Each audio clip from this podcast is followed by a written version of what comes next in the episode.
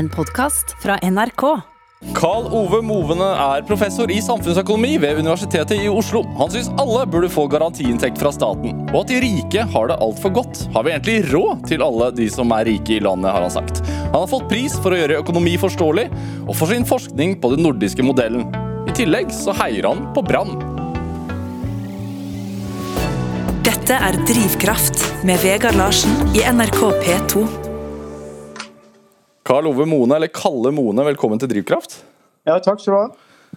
Vi hører hverandre gjennom telefon i dag. Det er litt sånn eh, Det er litt annerledes tider nå, så, så vi prater med hverandre på en slags videotelefon istedenfor i studio. Men, men sånn er det, og det er du vel vant til nå om dagen, er du ikke det?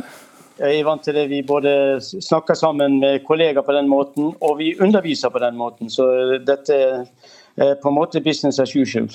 Hva mister vi, tror du?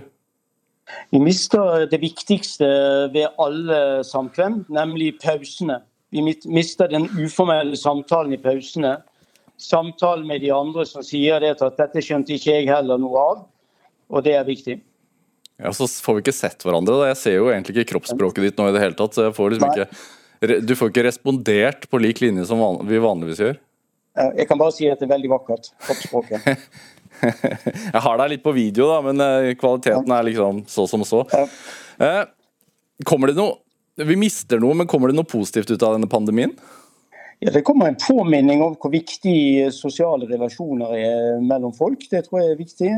Så jeg tror også en påminning om vi, vi, har den type problemer som mange eh, fattigere land har mer permanent. Det har vi nå i en kortere periode. Så vi kan kanskje minne oss litt på at uh, vi lever i en privilegert del av verden.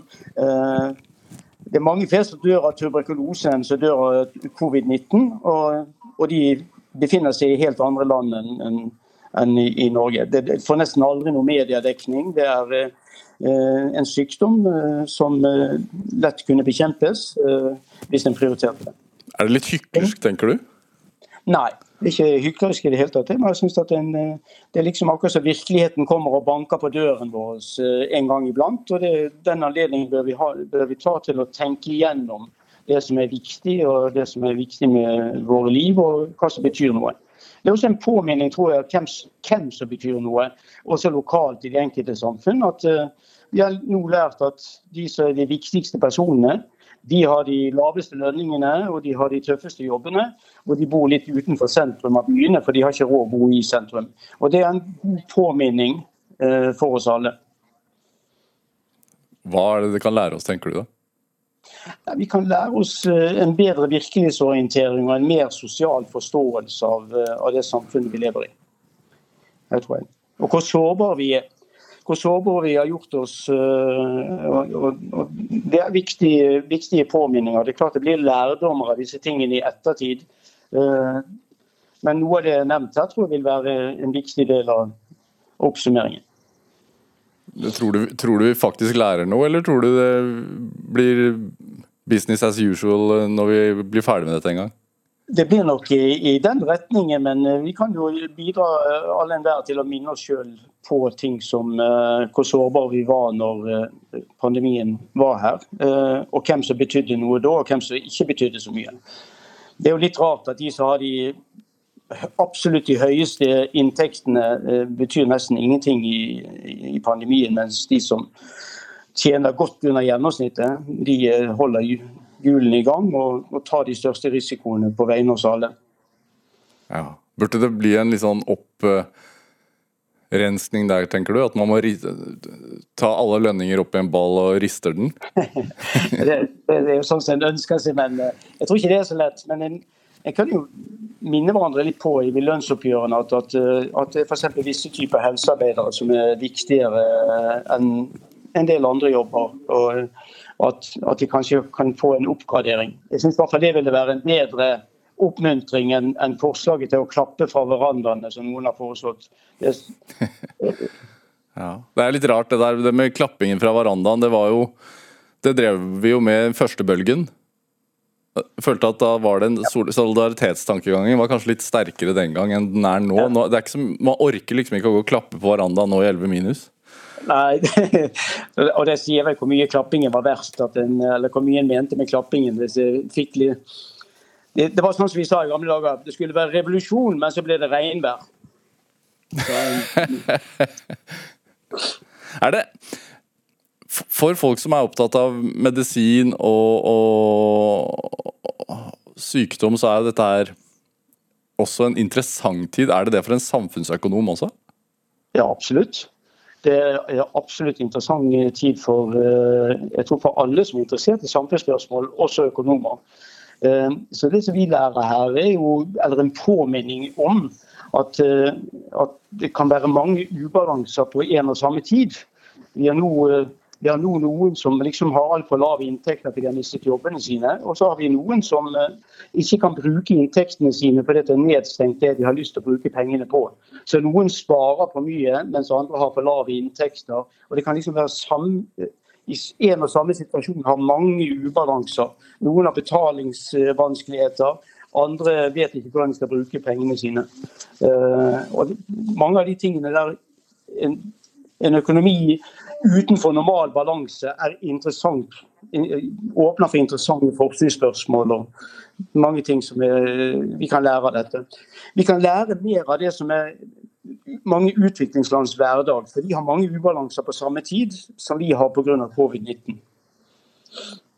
Sånn rent historisk eh, kan du, altså, vi snakker jo hele tiden om spanskesyken og, og, og, sånne ting. Er det rent historisk, det, kan man trekke linjer til ting som har skjedd før?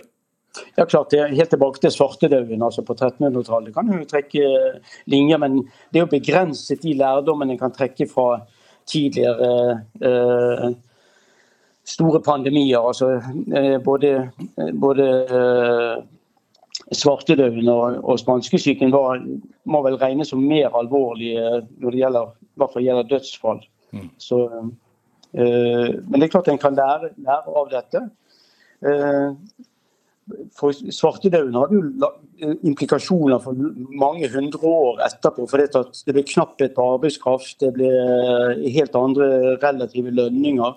En fikk ny organisering i jordbruket, en fikk eh, forplantninger som kanskje du kan se også sporene av hvor den industrielle revolusjonen kom, og hvor den ikke kom osv. At eh, det var knapphet på arbeidskraft og litt høyere lønninger noen steder. Det gjorde moderne teknologi mer lønnsom der lønningene var høye enn der de ikke var det. Så, så jeg tror det, de langsiktige virkningene kan være eh, dramatiske. Og, og, det kan være også ting vi ikke ser ennå av, av, denne pandemien. Men foreløpig er jo mye mindre dramatisk enn det vi nå snakker om.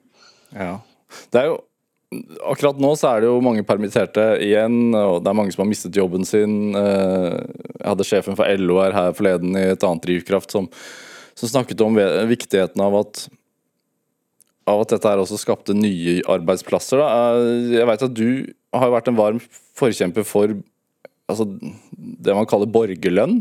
Ja. En garanti, garantiinntekt. Også vet ikke så glad i det navnet. for det er, verken, det er verken lønn eller, eller, til borgere bare, det er jo til alle. Og, og, så jeg liker grunnleggende inntekt eller grunninntekt. Jeg syns alle samfunn burde ha en grunnleggende inntekt til sine innbyggere. Og aller helst så burde den grunnleggende inntekten knyttes til hvor godt økonomien alt i alt går. Sånn at alle får en andel i gevinsten av økonomisk framgang osv. Og det betyr at en får mer av en fellesskapsinteresse i, i samfunn som har en slik grunnleggende inntekt, f.eks. beregnet som en viss prosent av nasjonalinntekten i landet. Dette ville være fantastisk å få i utviklingsland som mangler sikkerhetsnett. Vi ville tjent veldig på å ha en sånn ordning i dag hvis vi, hvis vi når vi ble rammet av, eller den gang vi ble rammet av, av pandemien først. Da ville vi raskt få penger ut til alle. Eh, og Sverre Munch og jeg foreslo at vi kunne få en slags midlertidig eh, grunnlønnsordning eh, under pandemien. At, at alle fikk et kontantbidrag Eh, som en slags forskudd på skatteoppgjøret, eh, om en vil. Eh, slik at det ikke hadde kommet i betalingsvansker som mange kom i. Men skulle man betalt det? Det var veldig mange dårlig sosialt forsikret under, det har vi lært under pandemien, at det er en overraskende stor gruppe av dårlige sosiale forsikringer. Fordi de har en slags mellomstilling mellom lønnsarbeid og, og selvstendig næringsdrivende, litt under utdanning. De en slags, har en slags blandingssituasjon som gjør det eh, vanskelig å bli dekket på de tradisjonelle ordningene i velferdsstaten. Ja, og Den bufferen som man sier at man bør ha, er kanskje ikke så mange som har? Ja, det tror jeg er riktig. Det, det, jeg tror jeg er riktig. det har vist seg at dette F.eks. mange kunstneriske eller kunstnerisk lignende aktiviteter. Ting som folk som driver med i tilknytning til f.eks. konserter og sånt, disse har hatt, de har hatt veldig vanskelige tider. og det er ikke de er halvveis eh, selvstendig næringsdrivende og halvveis på en slags lønnskontrakt. Det er ting som ikke blir godt fanget opp av velferdsstaten. Men, men skulle det kommet hver måned? Altså, hvordan ser du for deg, hvordan skulle det vært? Altså, i, i, en god verden, hvis jeg fikk bestemme, så skulle det være en, en viss prosent av inntekten som skulle gå til alle. Og Da kunne en liksom tenke på dette som en samfunnsbonus. At, at nå har det gått godt, så nå er samfunnsbonusen litt høyere. Og Det ville kunne komme som en månedlig utbetaling, eller det er, en, det er jo et praktisk spørsmål. Men poenget er at en, kunne få noe oppmerksomhet rundt disse tingene. For Det vil også disiplinere litt interessekampen i samfunnet. At hvis det er noen som kjemper for særfordeler som, som er, innebærer kostnader for de andre, ja, så vil jo det være veldig upopulært med en sånn uh, samfunnsbonus. For da vil jo alle på en måte få en lavere bonus av at særinteressene vinner igjennom. Så vi får mer av en kollektiv eh, rasjonalitet, eh, en kollektiv fornuft inn i systemet, eh, og en belønning av kollektiv aksjon. Og det er for. Men hvis man, Dette programmet heter jo Drivkraft. Da. Hvis man tenker på, Det er en del som har som drivkraft å, å, å tjene mye penger, og at, at, at det er en, et mål i seg selv. da. Ja, er, er du, det er jo økonomer veldig opptatt av. Og, og I noen tilfeller så går det an å oppmuntre til slike ting. Det kan jo Noe av det kan jo skape gevinster for oss alle. Men jeg tror at det er veldig lett å undervurdere behovet for kollektive eh, altså incitamenter eller belønninger for kollektiv fornuftig atferd. Det gjelder verden som helhet, det gjelder de enkelte land, og det gjelder også mindre enheter som eh, en bedrift eller en, eh, et universitet eller hva det måtte være. Fordi det, veldig masse er avhengig av samarbeid, koordinering. Men det er få belønningsordninger som tar vare på at det er gevinster av den type aktivitet, som derfor bør stimulere til mer samarbeid, mer koordinering. Vi holder fred med hverandre i, i denne delen av verden. Det skaper åpenbart store gevinster for samfunnet. Men det er jo ikke riktig å fordele de gevinstene etter hvor mye kapital en har investert, eller hvor lenge en har gått på skole. Det bør jo være noe som alle som holder fred med hverandre, bør få del i den samfunnsbonusen som dette representerer. Men Skulle det vært en slags sånn minstelønn, eller hvordan? Altså... Ja, jeg vil tenke på det som altså en, en, en, grunninntekt som er helt uavhengig av din egen innsats, som er helt uavhengig av dine andre inntekter, som går til alle. Et barnetrygd for voksne, hadde jeg sagt. men, men, men, siden du, altså, du er professor i økonomi, og du, eh, ja. du, du, du, kan jo samfunnsøkonomi relativt godt, da vil jeg jo påstå. Ja. Hvis du mener at det er en, en god modell, hvorfor er det så mange som er skeptiske til det? Ja, Det er ikke så mange som er skeptiske til det som eh, mange vil ha det til. Det som er interessant med ideer som ligner på det jeg skisserer her, det er at de har vunnet over Siden slutten av 1700-tallet så har det vært en, en, en, diskusjon av de tingene der uh, i veldig lang tid. Med varierende tilslutning fra høyre- og venstreorienterte folk som har en en grunnholdning politisk som vi karakteriserer enten på venstresiden eller på høyresiden. De kom først gjennom litt venstreorienterte eh, samfunnsvitere eller filosofer, eller hva vi skal kalle det for. Condorcet, Thomas Paine. Eh, eh, folk som var reformatorer som var aktive under den franske revolusjonen. Og de foreslo mange av disse ordningene her, som har, har bidratt til eh, en diskusjon over flere hundre år. Eh, mange høyreorienterte økonomer i i USA var lenge for, eh, en, en, variant av det som blir kalt for borgerlønn. eller Noen, noen ganger blir det kalt for negativ inntektsskatt. At det er en slags subsidie i bunnen av systemet, i systemet. Og Milton Friedman var det f.eks. De har vært det med forskjellig motivasjon, så det er mer det som er, er problemet. At når mange får en ting med veldig forskjellig begrunnelse, så, så blir det ikke så lett noe av. Noen vil ha grunnleggende inntekt fordi de vil kvitte seg med byråkrati i velferdsstaten. Noen vil ha en grunnleggende inntekt fordi de vil kvitte seg med hele velferdsstaten. Og noen, som meg, de vil ha grunnleggende inntekt for å komplementere velferdsstaten.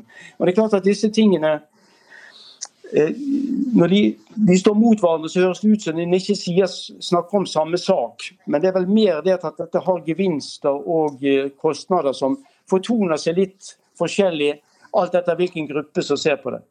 Men jeg er helt 100% sikker på at dette kommer. Dette kommer til å bli en ordning. Om det blir eh, akkurat eh, på denne siden av eh, 2030, det vet vi ikke. Men at disse tingene presser seg fram, det er jeg nokså sikker på. det. Hvorfor tror du det? Ja, det tror jeg faktisk. Men ikke nødvendigvis i stor skala. Det kunne være f.eks. 10% av inntekten i samfunnet ble fordelt på denne måten. Eh, eh, jeg tror eksempel, Hvis du snakker med folk som før barnetrygden kom, så var, det, dette helt utopisk at en skulle ha en barnetrygd. Skulle få subsidier for, for barn, det var noe helt utenkelig. Jeg tror disse tingene kommer til å presse seg fram. og det, det er såpass enkel og god argumentasjon for uh, disse ordningene at, at, det kommer. Men det er viktig f.eks. i et land som Norge at LO og Arbeiderpartiet er for. Uh, det pleier å hjelpe godt, særlig hvis LO er for. Uh, og de bør tenke seg litt om. Om de skal, de skal innføre ordninger på et tidspunkt der LO er sterk, eller skal de vente til LO blir tilstrekkelig svak, så de er nødt til å ha sånne ordninger? Da vil de ikke få en utforming som LO vil like. Det er mer sånn en må tenke. Skal en gjøre det når en har, når en har gode institusjoner på andre områder, eller skal en vente til de institusjonene er blitt svekket? Sånn at dette er den siste mulige løsning til å få en, en grunnleggende omfordeling i samfunnet. Men, men hvorfor, hvordan kan du si at du er 100% sikker på at det kommer til å komme? Jeg, jeg, tror ikke jeg sa 100% sikker på det, men eh, det var, hvis jeg sa det, så, så var det et, eh, en, en, bølge av indre entusiasme på dette. Eh, så, hvis det som jeg skal si, da, at jeg, jeg har en sterk tro på at, at, at dette kommer på sikt. For det er veldig fornuftig å ha ordninger som, der den enkeltes inntekt er avhengig av f.eks. hvor godt hele nasjonen eh, går. Det tror jeg er noe fornuftig i. Du ser land der, de rike og mektige er helt frikoblet hvor godt eh, landet går. Ta Brasil, f.eks., som har veldig høy grad av ulikhet. Overklassen som eier mye jord og eh, eier ting i Brasil, de er, de er ikke avhengig av Brasils økonomi går godt. Deres, noen tilfeller så kan det godt være at de tjener mer på å ha eh, dårlige forhold for majoriteten i Brasil. Og Derfor å bygge inn ordninger som tar vare på den kollektive fornuft, det er liksom blitt et, eh, litt av et mantra for meg i det siste. Og jeg synes det er for mye i mitt, mitt eget fag, eh, økonomi, der en oppmuntrer til individuelle incitamenter, som er viktige nok. Men jeg må ikke glemme at det er også behov for kollektive incitamenter. Altså incitamenter som belønner at en høster samarbeidsgevinster og får til ting sammen. Det er ikke sånn at, at, at, at det, det, er noe mer i et samfunn enn summen av individer. Det er liksom det samhandlingen mellom individer som, er det, eh, som skaper ekstra gevinst. På fint heter det komplementaritet, og det er mye komplementaritet i ethvert samfunn. Men men, men, vil man kunne, altså i den modellen du ser for deg, vil, vil det være sånn at man likevel vil kunne tjene egne penger ekstra på dette her? Ja. ja, ja, åpenbart. Det vil være majoriteten. Jeg er ikke for ordninger som er slik at, at en skal ha en grunnleggende inntekt som alle kan eh, ha et, eh, som en slags minsteinntekt i, i samfunnet. Det vil jo være et, et gulv men meningen skal være at en skal ha deltakelse i samfunnet for å skaffe seg ytterligere inntekter. Men det skal være et gulv. Ingen kommer under dette gulvet. Velferdsstaten har jo en ordning i dag som representerer et slikt gulv. Men jeg tror den, det gulvet bør være, mer av det gulvet bør liksom være klart spesifisert som en grunnleggende inntekt til alle, og ikke bare som slags, en, en, ordning av forsikringer som uh, utløses når det går dårlig. Nei, sant. Så i motsetning til f.eks. dagpenger, så vil man kunne jobbe i tillegg? Ja, riktig. Men, Helt riktig. Det er det som er poenget. Det er betingelsesløst i den forstand. Ja. Er det Har det vært utført altså Er det noen som har testet ut dette her? Ja, det er masse mer eller mindre gode eksperimenter. Det finske eksperimentet er ikke spesielt godt. for det blir bare, det blir bare eh, den grunnleggende inntekten gitt til de arbeidsløse. Og, og den, den, skulle da gjelde en viss periode, uavhengig om de arbeidsløse fikk seg jobb eller ikke. Så det var en test egentlig på eh, hvordan en betingelsesløs støtte til arbeidsløse var. Men det er jo meningen mening at det skal være til alle. Det ble testet av, av eh, en organisasjon i India der, eh, eh som er Self-Employed eh, Women's Association, SIBA. Og, og, De gjennomførte et eksperiment der noen landsbyer fikk en grunnleggende inntekt, og kontrollandsbyene hadde ikke grunnleggende inntekt. Og så sammenlignet en atferden til de to, to, typer landsbyer. Og Det er veldig interessante resultater. det at eh, De landsbyene som fikk grunnleggende inntekt, de brukte de ikke på det som mange trodde på tøys og tull. Det første de gjorde, det var liksom forbedre de sanitære forholdene, sørge for skoleuniform til jentene, få jentene på skole, forbedre ernæring til barna osv. Dette kunne kontrollere helt spesifikt, vi kunne sammenligne med veldig lignende landsbyer. Men dette er ikke ordentlige eksperimenter i ideen, for dette er jo ting, penger som kommer utenfra landsbyen. Det var ikke landsbyen sjøl som finansierte ordningen. For et land som helhet så skal jo et, et land finansiere sin grunnleggende inntekt sjøl. Så en eksperimenter i, i, i, en viss skala med selvfinansiering har det vært lite av. Ja. Men det kommer. Altså Det presser seg frem uh, i flere land. Uh, vi, vi, har jo vi fordeler jo egentlig oljeinntektene litt på en måte som dette, men vi gjør det via velferdsstaten og ikke som en, en grunnleggende inntekt til alle. Men vi kunne hatt et element av av oljeinntektene som grunnleggende inntekt i, i, cash til alle. Eh, det vil være én form for det. Alaska har noe sånt. Eh, det er varianter av disse tingene som har vært prøvd, og det er relativt få, om noen, veldig negative konsekvenser av det. Det er den mest interessante oppsummeringen jeg kan gi. Hva, hva er eventuelt de negative konsekvensene? Ja, den konsekvens kunne jo være at en ville være frykte for at folk ikke ville yte like mye innsats hvis de får en eh, grunnleggende inntekt som er uavhengig av deres innsats. Men det, det kunne være noe en kunne forvente. Til nå har en ikke sett det. F.eks. I, i India så jobbet folk bedre og mer. Ikke, ikke, bare, ikke bare mer, men smartere. De hadde, hadde, en smartere utnyttelse av sin egen arbeidskraft. Eh, fordi at de var de var forsikret av den grunnleggende inntekten til, slik at de kunne vente til den gode jobben kom, eller søke de gode oppdragene. Mange av disse er jo eh, selvsysselsatte, eh, som er jo en mye vanligere form for eh, å tjene til livets opphold i, i utviklingsland, altså innenfor uformell sektor, drive små virksomheter sjøl. Dette er Drivkraft med Vegard Larsen i NRK P2. Og i dag er eh, professor i samfunnsøkonomi Karl Ove Moene her hos meg i Drivkraft eh, med på telefonlinje, eller videolinje i dag, eh, pga. smittevernhensyn. Kalle, du, du, nevner India. Du er glad i India? Ja, jeg er det. Jeg reiser der en gang i året minst, hvis jeg, hvis jeg kan. Hvis det ikke er korona, da. Hva er det som er så tiltrekkende med det landet?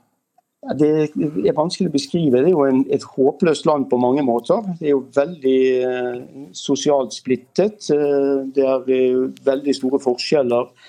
Men det, jeg vet ikke, det er et eller annet som jeg liker. Så har jeg mange venner der. Og du har jo lett for å like de områdene der du har mange venner fra. Og de har venner jeg har truffet ikke bare i India, jeg har også truffet de andre steder. Og så har vi reist sammen til India.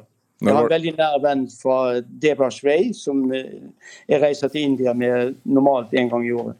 Når var du begynte å reise dit? da? Eh, 90-tallet. Hvorfor det?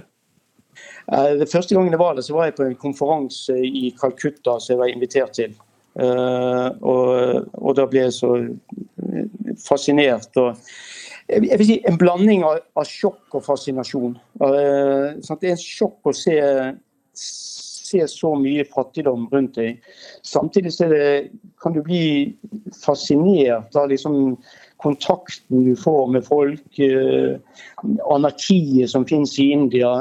Graden av selvorganisering. Eh, det, det, er liksom som India har akkurat India er som USA. Du kan si hva du vil om India, alt er sant. For det er nok variasjon til å dekke det inn i data. Og Det samme med USA også, at alt er sant.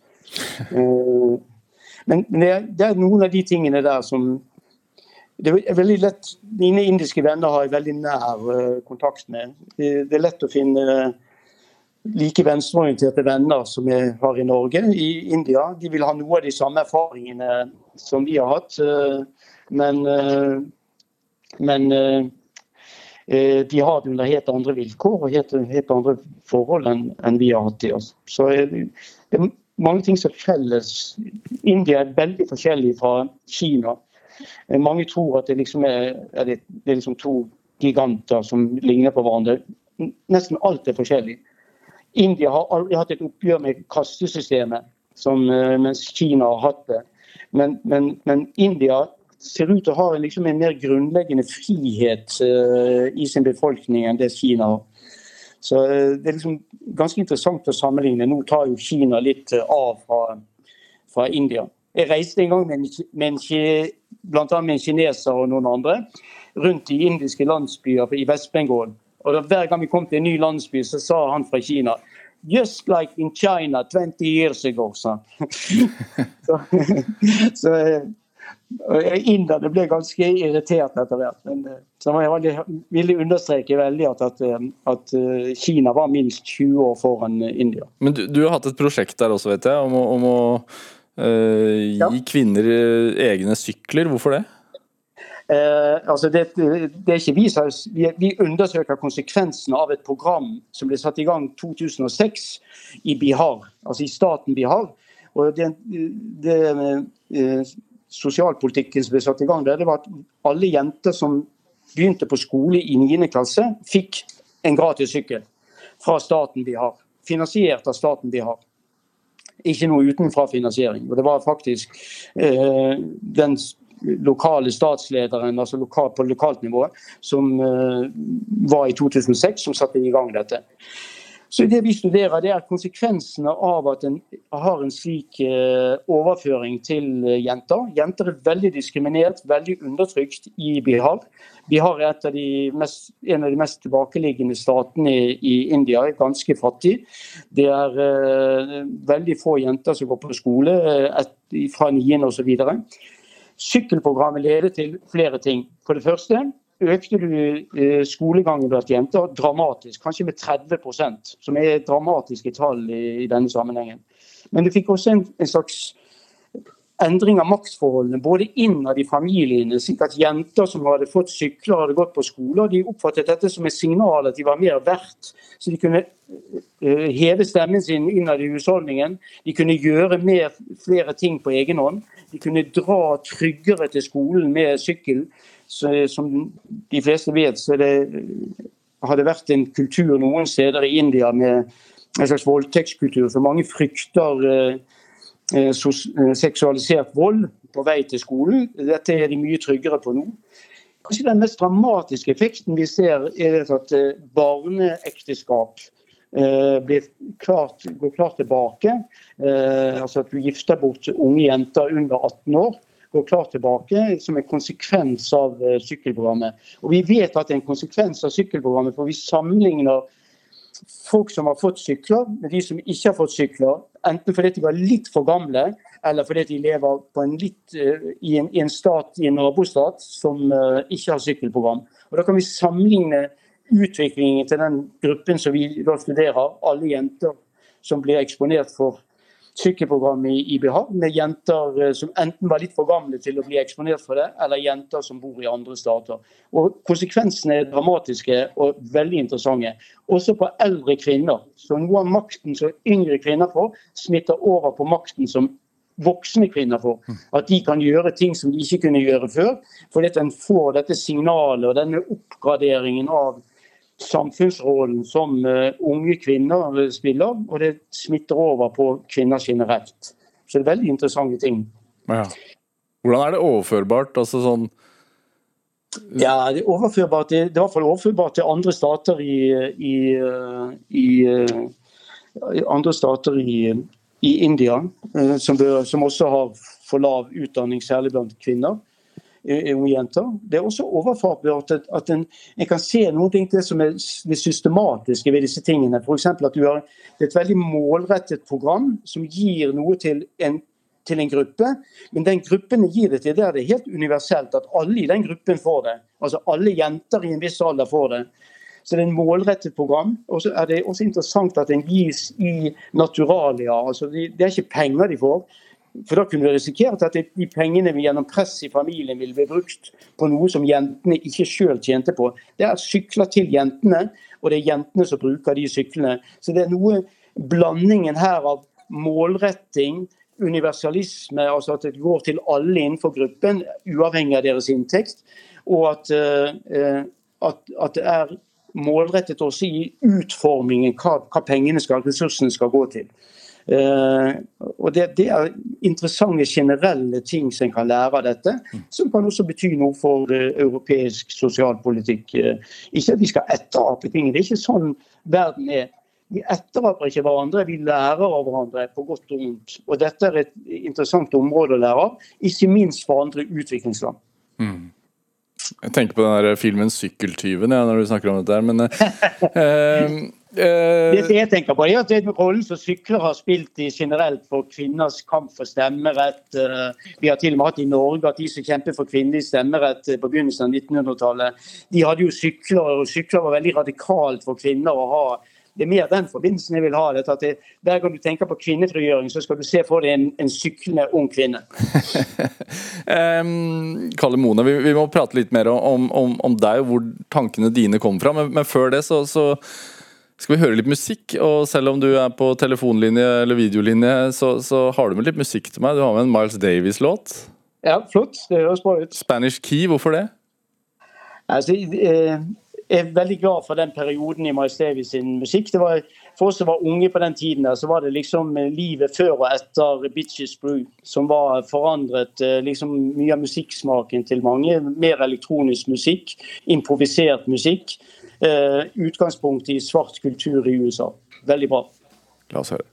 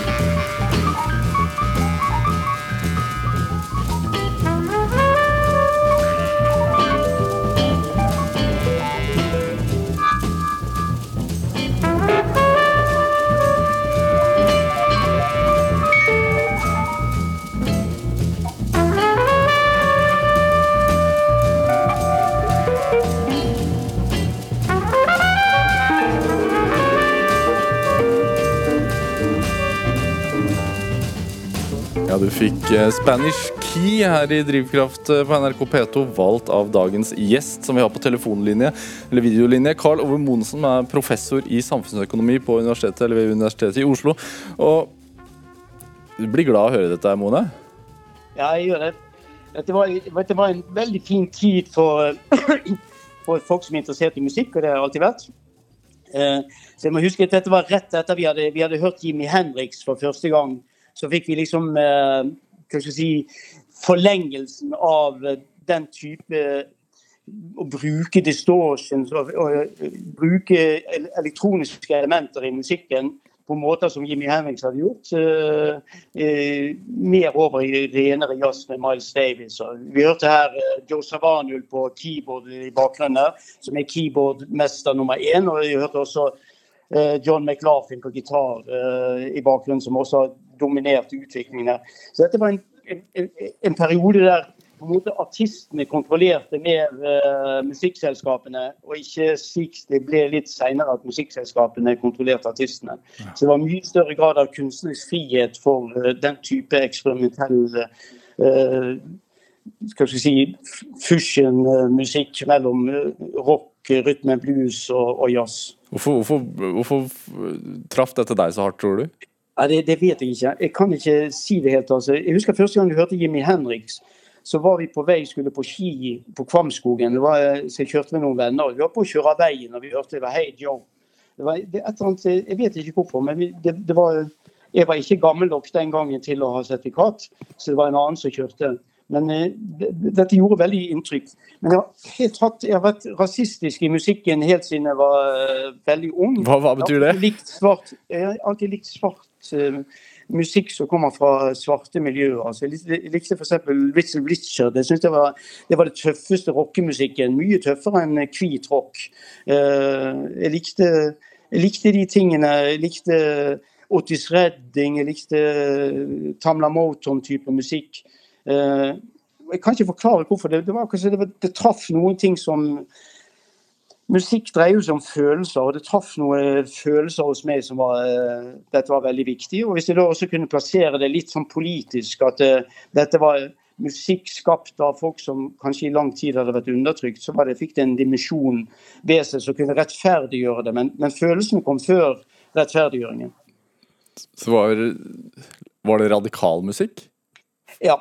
Det, det var det. Altså. Jeg husker James Brown, som var en uh, annen I'm Black and Proud. Sant? Det var agitasjonsmusikk. Han ble jo forbudt på enkelte amerikanske radiostasjoner. Mm. For han agiterte for, for uh, uh, civil rights movement og nå viste det seg at han hadde en, en, en, egen praksis, den godeste James Brown, som kanskje ikke var Guds beste barn og i tråd med de idealene han levde etter. Han, han dro også til Vietnam og spilte for, for, amerikanske soldater i Vietnam.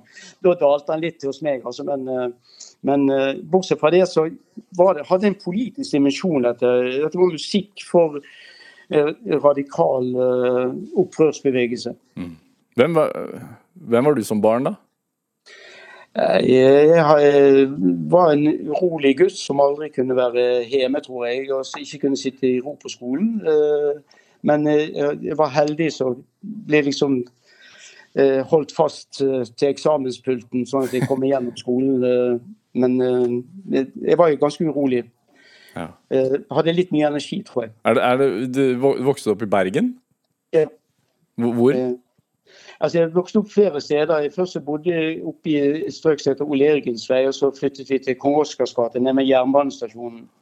Og Siste stedet foreldrene mine bodde, var på, på Gyllenpris, altså på Laksevåg, som er eh, på andre siden, og på skyggesiden av, av byen, om du vil. Eh, men jeg, jeg, det er liksom jeg har mye tilknytning til Kong Oscars gate, altså nede med jernbanestasjonen. Det var siste stedet jeg bodde i Bergen. Ja. Men skyggesiden, var det Skyggesiden, altså, Det er jo litt rart å snakke om skyggesiden i en by som ikke har sol. Men, uh, men, men i, siden jeg har så lite sol, så er solen veldig verdifull. Bergen, så, så fløysiden er solsiden, og løvstakssiden er skyggesiden. Det er sånn måten solen kommer inn i, i land som ligger langt mot nord.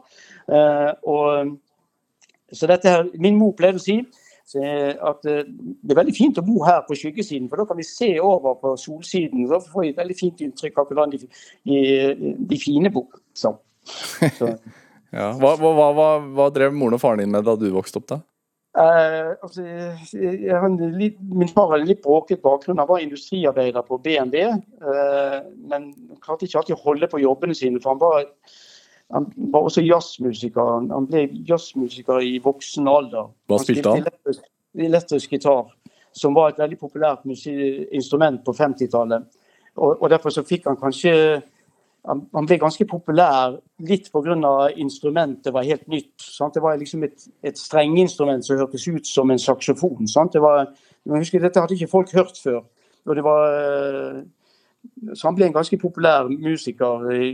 Både en bruksmusiker, men først og fremst en jazzmusiker. Det var jo populærmusikken på 50-tallet. Så han klarte ikke å holde helt på alle jobbene. Han var vel hadde spilt hele natten og så skulle gå på jobb klokken syv. Det var ikke så lett. Eh, ikke sikkert de var helt edru heller når, de, eh, når, når, klokken ble syv. Så det var min far. Så han hadde litt uh, uregelmessige jobber og uregelmessige inntekter. Og levde kanskje litt uregelmessig også.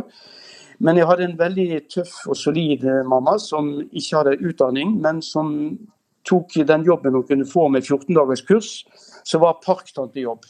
Så der var hun var parktante eh, på samme sted så lenge at hun hadde barnas, de første barnas barn igjen. Mm. Eh, så hun hadde liksom generasjoner. Hun ble kanskje litt en institusjon lokalt der hun, den barnehagen var.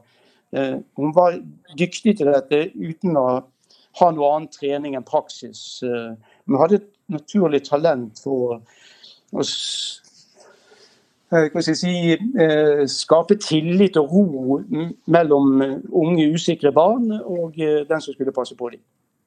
De var forskjellige, foreldrene dine? Ja, de var veldig forskjellige. Var, min mamma var et slags gudsord for landet, som ble flyttet inn til byen i veldig ung alder som, som hushjelp. Som jobbet for kost, kost og losji mm. hos uh, rike familier i Bergen.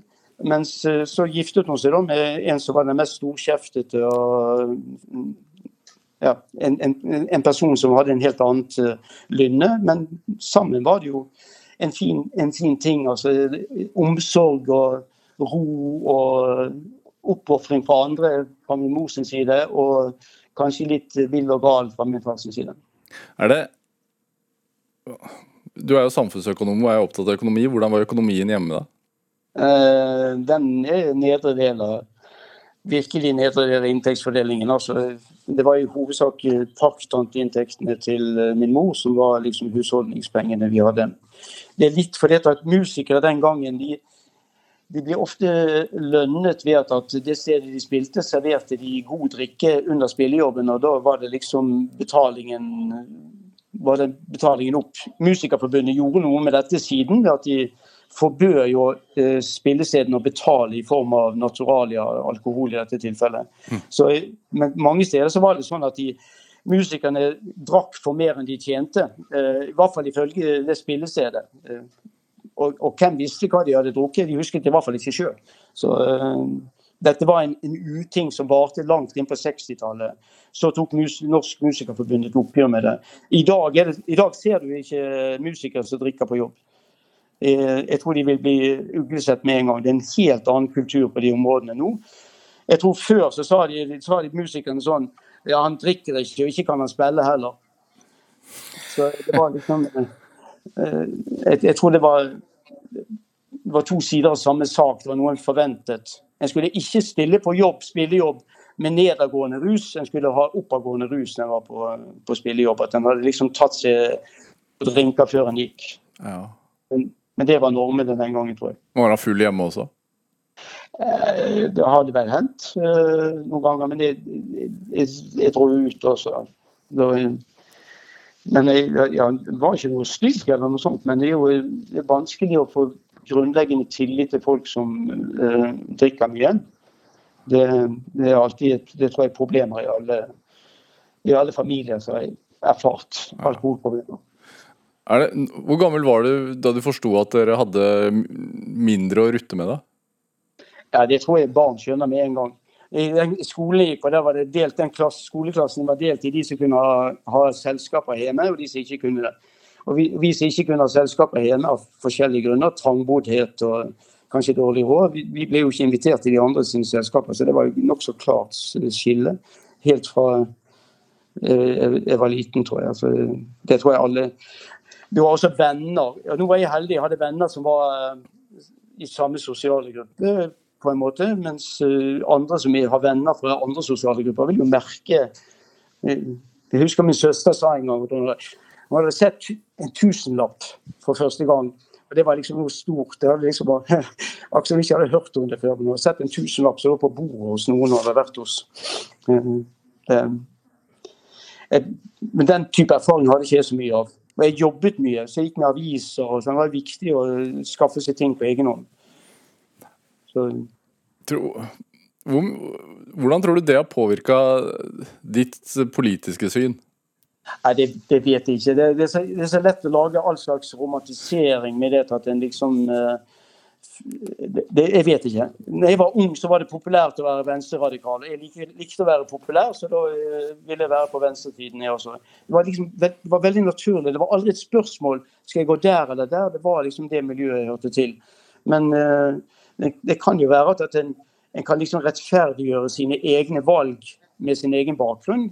Jeg har også besteforeldre på morssiden som var eh, Bestefar som var eh, sosialdemokrat og tilhenger av Nygaardsvold og veldig Kanskje på venstresiden i Arbeiderpartiet, men ikke noe politisk aktiv. Det var jernbanefolk. som, eh, Han var anleggsarbeider på jernbanen. Men han kunne i hvert fall, Jeg husker veldig godt han sa det, at, at du må huske det som, det som sosialdemokratiet gjør de, de, de, tar liksom arbeiderungdom og så sender de på skole, og ut kommer det høyrefolk. Sånn. Det må du passe på. Så jeg hadde i hvert fall det, det rådet der fra han. At, at en, en, tok arbeiderungdom og så sendte en de på skole, og så går ut så kom det folk i blazer og høyrefolk. Ja. Det ble skolegang på deg, da? Ja, jeg var heldig der. altså. Det, det, det var ikke helt tenkt sånn, tror jeg. Jeg hadde tenkt å slutte på skolen etter, etter, etter niende klasse. Altså, jeg, jeg, har gått på ungdomsskole. Åttende og niende, da hadde jeg tenkt å slutte. Men, eh, så, eh, ja, så ble det litt annerledes. Hva skulle du gjøre da? da? Nei, jeg hadde, jeg, hadde, hadde, jobb i en musikkbutikk. Eh, så, jeg var sidemann på en, en musikkbutikk i, i, i, Bergen. Og der var det jobbet det mange rockemusikere. Særlig en trommeslager som jeg likte veldig godt. Så jeg tenkte at der kunne jeg jobbe, det var kjempefint. Eh, et, et, fint miljø. Kunne være med de guttene vi var på spillejobb og sånt. Jeg elsket å gjøre sånt. Mm. Hva, gjorde, hva, var det, hva, var grunnen til at du ikke sluttet eh, i 9. klasse, da? Eh, jeg hadde, en, jeg hadde to lærere som var helt fantastiske. Anne Betten Njå hadde som klasseforstander, og Eli Nome hadde også en viktig lærer i, på, gikk på Sundesøen skole.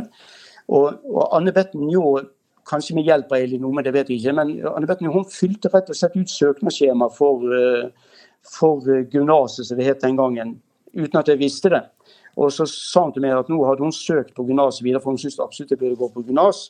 Så nå må du konsentrere deg litt. Så du, den gangen måtte du ha måtte ha et visst poengsum for å komme inn på gymnasene. Uh, det var ikke sånn i Oslo, men i Bergen var det sånn. Og, og, og, så da gjorde jeg en liten innsats og kom inn med et nødskrik. Men det var bare pga. Eh, de to lærerne, og særlig Anne Betten Njå. Er det, du er professor i dag, du underviser jo på universitetet. Da, ja. så det er, litt, det er, litt, høyere opp i systemet. Men ja. har, tenker du på de noen ganger når du ja. har fått studenter? Ja, jeg tenker på de Jeg, jeg fikk en sånn stein på slutten av livet. Jeg hadde jo kontakt med Anne Betten Njå eh, før hun døde. Jeg fikk heldigvis spise en middag med, eller en, en, tidlig middag med henne og, og Elin Ome uh, før Anne Betten Njå døde. Uh, så da fikk jeg etterpå jeg fikk en stein som hun hadde, hun hadde hatt sjøl. Så den steinen har jeg i, i bokhyllen hjemme. Og, og, den klapper jeg på litt uh, hver dag. Hvorfor det? Jeg tenker på en, en fin holdning og hun så jeg traff henne igjen etter mange mange år. Det første spørsmålet så sa hun det Hvordan går det med Gunnar Ølheim? Jeg visste ikke hvordan det gikk med Gunnar Ølheim. Men det, dette, Hun hadde hatt mange mange klasser, det hadde gått 20 år. Men hun husket navnene på, på folk. Og, og, det hadde ikke gått så godt for Gunnar Ølheim. for Jeg tror han rett og slett mistet livet i, i en ulykke. Han ble sjømann. Og det hadde hun antagelig plukket opp. Og dette sier noe om eh, en slags sosial forpliktelse som hun har. og sånn, Så jeg tror det bør være inspirasjon for mange lærere, enten det er på, på, på ungdomsskole eller på, på gymnas eller på høyere utdanning. som der er at en, at en ser folk bedre, sånn som hun gjorde. Du følte at hun så deg? Eh, ja. Og ikke bare meg. Så, det var ikke sånn at hun hadde favoritter, det var ikke mitt inntrykk. Gunnar Øllem tror jeg ikke Han var veldig forskjellig, han gikk ikke på skole etterpå. Men hun var veldig opptatt av Gunnar Øllem. som var en tøffing. Si de som ble De som ble de som ble uh, sjømenn i ung alder, de, det var jo de som ikke hadde ro i kroppen, som uh, ble sendt ut på båtene. Dette er Drivkraft med Vegard Larsen i NRK P2. Og i dag er eh, professor i samfunnsøkonomi ved Universitetet i Oslo, Karl Ove Mone, her hos meg i Drivkraft, med på linje pga. smittevernhensyn. Eh, du ble jo samfunnsøkonom, eh, Kalle, og, det, Ja. og du, du har sagt noe at at du, du har stilt spørsmålet Har vi egentlig råd til å ha såpass mange rike i landet som vi har. Hva, hva betyr det? Ja, det, det betyr for det første så Spørsmålet blir alltid stilt har vi råd til de og den og den sosialpolitikken for, eh, for eh, nedre del av inntektsfordelingen. Har vi råd til en velferdsstat som er sjenerøs uh, overfor andre? Så Da stiller jeg motspørsmålet. Det er ikke stor forskjell å gå på Nav og gå på arv. Det er to lignende ting. Det er inntekter en får uten å ha ytt noe sjøl.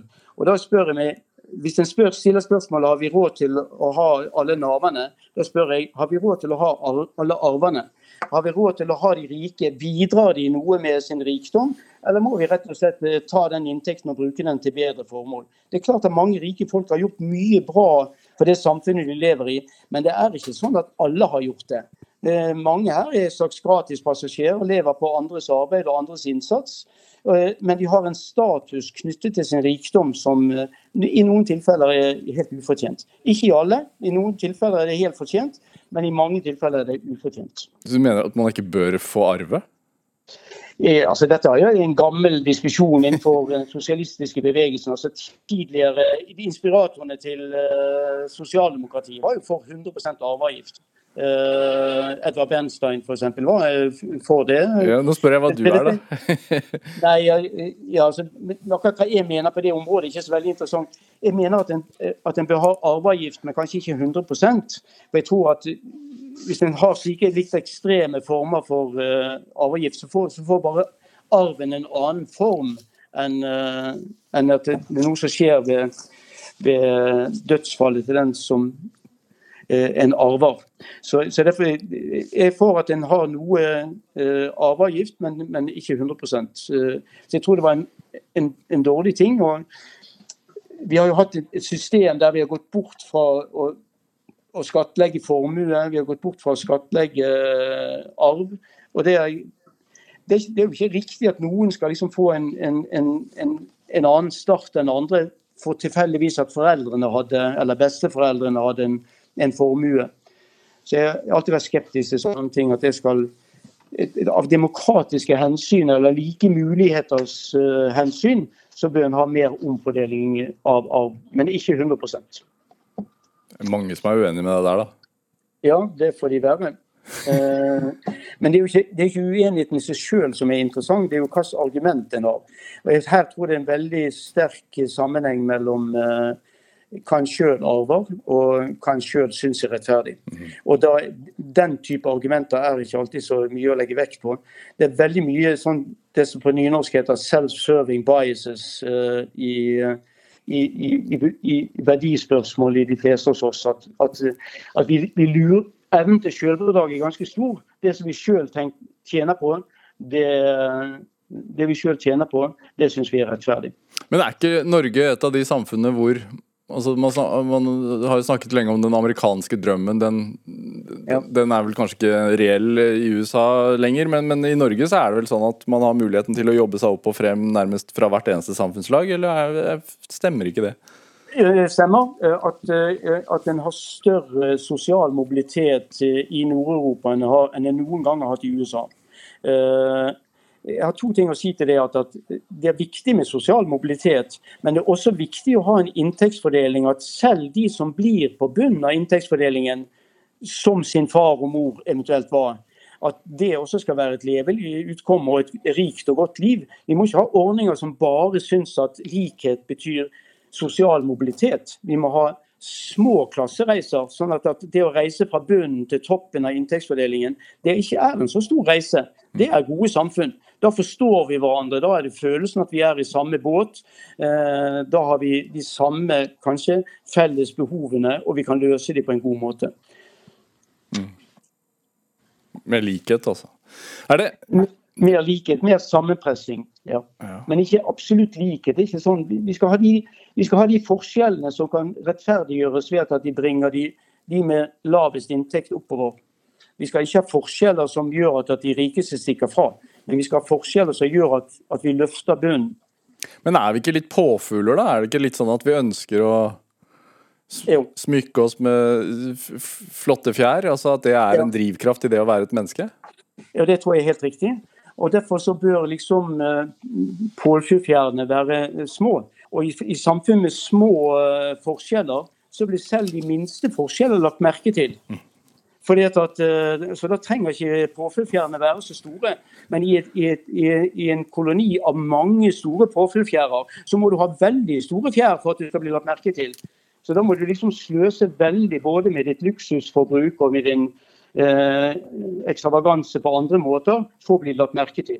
Det, så derfor det, det er noe selv, selvjusterende, selvkalibrerende i gode samfunn at når forskjellene er små, så betyr forskjellene mer for folk. Eh, både som motivasjon og som eh, eventuelt i status. Helt til slutt, Kalle Mone, hva er din drivkraft? Ja. Ja, alltid, en har jo alltid lyst til å pynte seg med eh, noen fine ord i sånn sammenheng. Men min, min drivkraft tror jeg er veldig interesse for de tingene jeg driver med. Jeg klarer ikke å skille helt mellom jobb og, og fritidssysler, for det er nesten det samme tingen. Men eh, jeg liker veldig godt det eh, jeg driver på med. og jeg kan ikke si noe annet. Hvis det er noen andre som har nytte av det, så er jeg veldig glad for det, for jeg har veldig stor glede av det.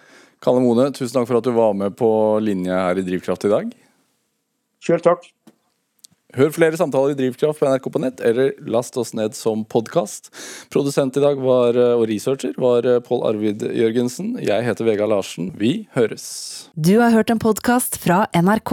Hør flere podkaster og din NRK-kanal i appen NRK Radio.